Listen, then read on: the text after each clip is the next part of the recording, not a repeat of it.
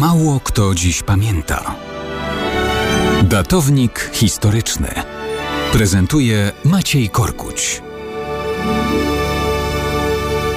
Trochę mało kto dziś pamięta o tym, że 20 maja 1881 roku urodził się Władysław Sikorski, generał, wódz naczelny i premier Rzeczypospolitej Polskiej. Był jednym z ważnych polityków polskich i żołnierzy w czasie I i II wojny światowej. W 1920 roku dowodząc Piątą Armią odegrał ważną rolę w Bitwie Warszawskiej w czasie najazdu bolszewickiego. Coś, co można nazwać talentem wojskowym, miał niewątpliwie. Z kolei jego umiejętności polityczne oceniane były różnie. Budziły kontrowersje i spory. Był wyczulony na punkcie własnego prestiżu i ambicji, ale poświęcenia i żarliwej miłości ojczyzny nikt mu odmówić nie może. W czasie obu wojen zasady żołnierskiej lojalności chyba zbyt łatwo przekładał na sojusznicze zobowiązania w wilczym świecie polityki. W rozgrywkach, gdzie rządzi interes polityczny, zmieniające się układy, a nie zaprzeszłe zobowiązania, chyba to się nie sprawdzało. W czasie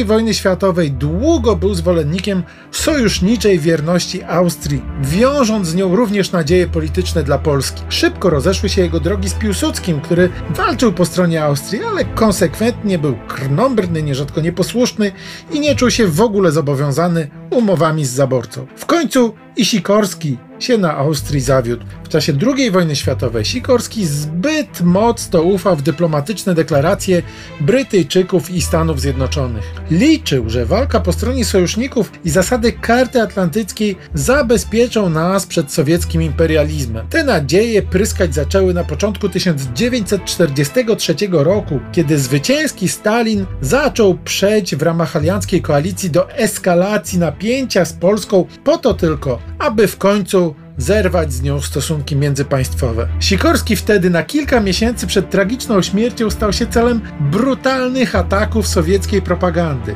Tej samej, która po jego śmierci cynicznie pozorowała sympatię dla jego postaci, aby go przeciwstawić jego następcom. Niezależnie od rozbieżnych ocen, Jedno jest pewne: generał Władysław Sikorski był wówczas dla Polaków prawdziwym uosobieniem polskiego marzenia o wolności.